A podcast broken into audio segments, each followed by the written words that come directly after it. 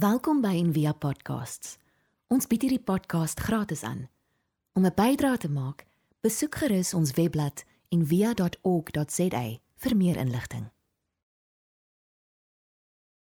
Ons gesels vandag oor 'n disipel met die naam van Kleopas en wat het met hom na die opstanding gebeur. Ons weet nie wie hy was nie. Dit is eintlik maar net Lukas wat melding maak van hom. In 'n ander evangelie word sy naam anders spel, maar ons weet nie of dit hy was nie. Ons weet uit die kerkgeskiedenis dat van die ou kerkvaders hier van 80 na Christus wel baie oor hom geskryf het. En hulle het gereken dat dit was Josef se broer, so Jesus se oom. Was baie naby seker in die familie en die hele Jesus beweging. En vir Lukas is dit belangrik dat hy hierdie verhaal skrywe En hy's die enigste persoon wat dit skryf en jy moet amper vra maar is hier iets in wat soort van nou finaal bewys dat dit die opstanding is? Nee, dis glad nie so nie, want die opstandingsverhale is nie verhale wat vir ons vat na 'n plek in 'n tydsgleef in 'n historiese tyd dat ons 'n bewys het dat dit wel plaasgevind het nie. Inteendeel, ons het verskillende weergawe hiervan. Nou Frida het verlede week gepraat oor Maria. So Johannes sal sê Maria het hom alleen gesien, maar Markus sal sê Maria het hom saam met die ander vroue gesien. So Markus sal sê die vrouens het stil gebly, maar Johannes en die ander evangelies sal sê dat hulle dit gaan vertel aan die ander disippels. Johannes sal sê daar was twee engele, die ander evangelie sal sê daar's een engel. En ek weet dat baie mense vroeg sê maar hier's dan verskillende verhale. Nou is reeds die punt van die opstanding dat korrektheid of bewyse bring nie geloof nie want ek dink die ou kerkvaders wat nou die Bybel saamgestel het sou mos nou natuurlik eerder Markus gevat het wat die oudste was en sê kom ons maak al die verhale soos Markus en laat ons nou een weergawe het.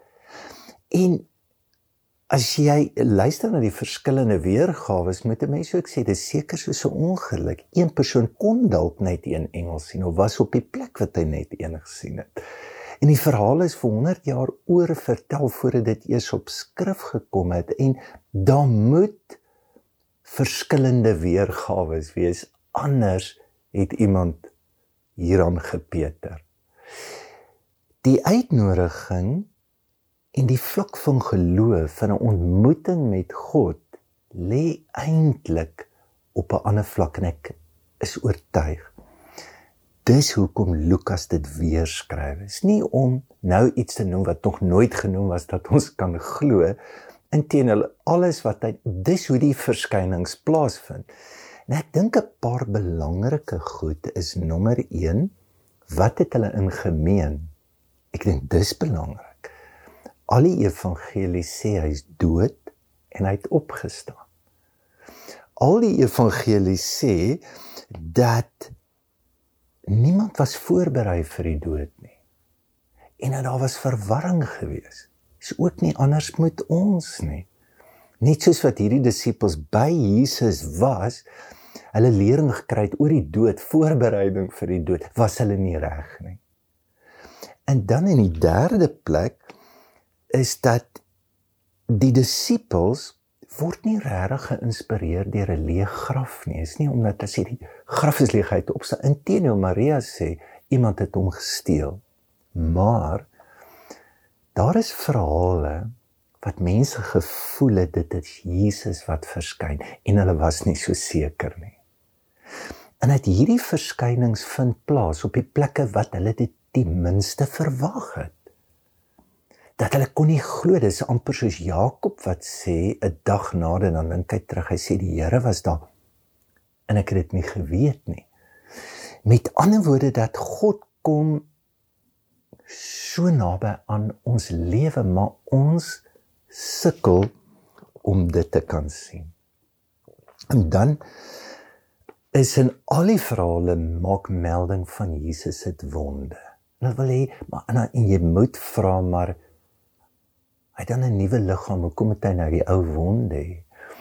En ek dink dis reeds die punt dat as ons Christus nie sien in sy verwonding, in sy pyn en in sy lyding sal ons ook nooit ons eie kan sien. En sal ons ook nie regtig medelee kan hê met die wêreld se pyn en dit wat om ons gebeur. En dan wat vir my uitstaan in die opstandingsverhale wat almal in het is waar gebeur dit? hierdie is 'n eensame pad. Ons nie regtig mense op nie. Ons twee op. En twee is genoeg vir Jesus. So in die stilte. Jesus verskyn langs die strand na vroeg die oggend nadat die disippels die hele nag deur probeer visvang het. Ons is nie eintlik iemand nie. Maar dit is in hierdie ruimtes waar God beweeg in ons ontmoet. Dis ruimte so eenvoudig soos 'n visbraai, soos kos wat gemaak word of om net om te sit aan 'n tafel en saam te eet. Dit is dis in my trane, dit is in my verwarring, dit is in daai plekke ontmoet die Here vir ons. Ek wil miskien net afsluit met drie dring, dinge oor dringe, dinge oor Kleopas. Ehm um, wat ons kon leer, maar hoe hoe moet ons omgaan met die pyn wat ons dra? Want dis die stories. So wat doen Kleopas? Hy doen wat ek en jy doen. Jy loop weg van pyn. So hy gaan uit Jerusalem uit. En wat interessant is dat dit was vir Jesus baie belangrik dat hulle moet bly in Jerusalem. En jy onthou ook sy woorde, julle moet nou daar gaan wag tot laat julle aangedoen word met die Heilige Gees. So iets moet gebeur met hulle sodat hulle kan kom by die krag en die opstandingskrag wat die Heilige Gees ook in hulle lewe bring. En nou loop hulle weg. So Emmaus het ons al gesê, jy kan maar sê dis die ekwivalent van Las Vegas. Dis 'n Romeinse spa wat jou kan verdoof van jou pyn. En ons het baie van hulle. Ons het baie emosie. Ons werk word dit. Ons kos word dit. Ons stokperdjies word dit. Enige iets om myself te vermy. Hoekom? Want hy het pyn of sy het pyn. En ons raak eerder net besig en ons kan ons aandag aflei en dit maak die pyn beter. So wat wat so mooi is is dat Jesus is op hierdie pad. So Jesus is ook presies in dit in ons verwarring, in ons en in ons sê waar is hy? Hy is nie daar, dis presies waar hy is. Die feit dat ons vra waar is hy en die feit dat ons sê hy is nie daar, is die bewys dat hy daar is. So op hierdie pad werk dit so. En dan die vraag dink ek wat ons moet vra uit hierdie verhaal is hoekom sien party hom en hoekom sien party hom nie ek dink dit is baie baie belangrik. Vir Kleopas kan nie hoekom want hy's oorgeneem deur sy pyn. Hy's reg bedroef. Hy's hartseer want hy was baie naby aan Jesus. Baie nader dink ek. Daar's ook familiebande. Daar's daar's 'n diep liefde. So hier die pyn het 'n klomp raakvlakke.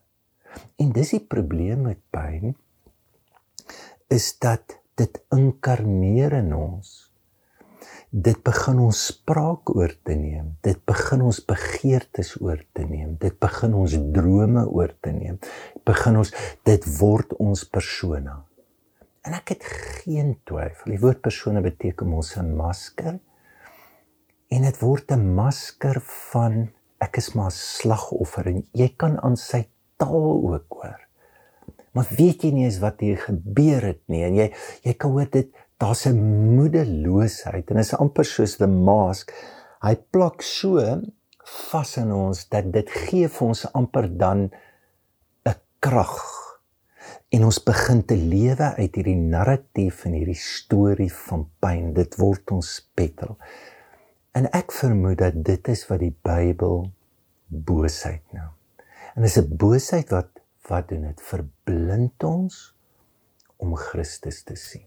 En jy weet tog dit werk so in jou lewe as jy nie pad afloop en jy dalk net uitgemaak met jou meisie, dan is niks mooi nie. Jy sien die papiere, jy sien die vel. Maar as jy iemand ontmoet het jy raak verlief, jy loop in dieselfde pad dan sien jy heeltemal anderster. En is miskien 'n vergete les wat Kleopas vergeet het en dit het in Getsemane gebeur. Julle onthou Jesus kom en Jesus sê vir hulle ek wil julle met saam met my waak en bid. Die woord waak beteken kyk. Wat moet hulle sien om met God sien om met Jesus sien? maar hulle sien dit nie en nou dink ons hulle het hard gewerk hulle is moeg hulle is soos ons nee luister wat sê die Bybel hy sê and they fell asleep out of sheer sorrow so wat doen pyn? Dit laat ons slaap. Dit verdoof ons. Dit verdoof ons vir die werklikheid van werklik wat om ons aangaan. Wie mense werklik is en wie God werklik is. En dan verendig die verhaal, so dis nie Jesus wat vinnig gou bewys te sê of hy neem hulle in die Bybel in wat verskriklik mooi is en is ook nie omdat hulle nou nuwe Bybeltekste het dat alles gebeur. Dis 'n lang pad. Ek dink dis hier, hier, hier Lukas se punt wat hy wil maak. En dan op die mees onverwagste oomblik net in 'n tafel en jy onthou Jesus maak ons soveel verder gaan hom sê hulle hom nie ag nee bly nog by ons eet net gou ietsie saam met ons en dan gebeur dit is baie keer hoe die opstanding werk. Dit kom wanneer jy dit nie verwag het nie. Dit dis daai sagte sprong waarvan Sheila Cousins praat. Dit is iets wat in jou gedoen word. Dis nie iets wat jy doen of wat jy kon uitfigure nie. Ehm um, en dan gebeur dit net. En die storie is is mooi want dit sê vir jou jy gaan altyd met drome leef. Al is daai gate vol drome, al is die drome vol gate. Uh dit gaan nie weg nie. So loop hy Emmaus toe. Bedoel in sy hart draai nog alles wat in Jerusalem gebeur het. En dat God daar kom en dat God dit kan herstel en toe die pyn versag word toe kon hulle Christus sien en Christus na hulle toe kom. En hulle moes in Jerusalem bly. Met ander woorde om te bly in die pyn en dit wat nou met my gebeur om dit te kan sit en God binne dit in te nooi.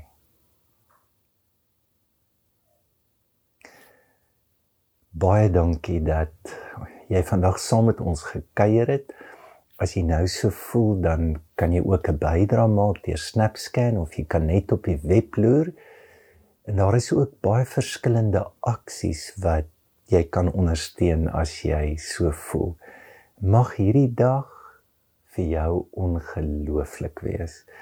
En mag jy ervaar hoe die Here reeds in alles is en reeds vir jou wag in daai plekke en op maniere wat jy nie kan sien en jou verras.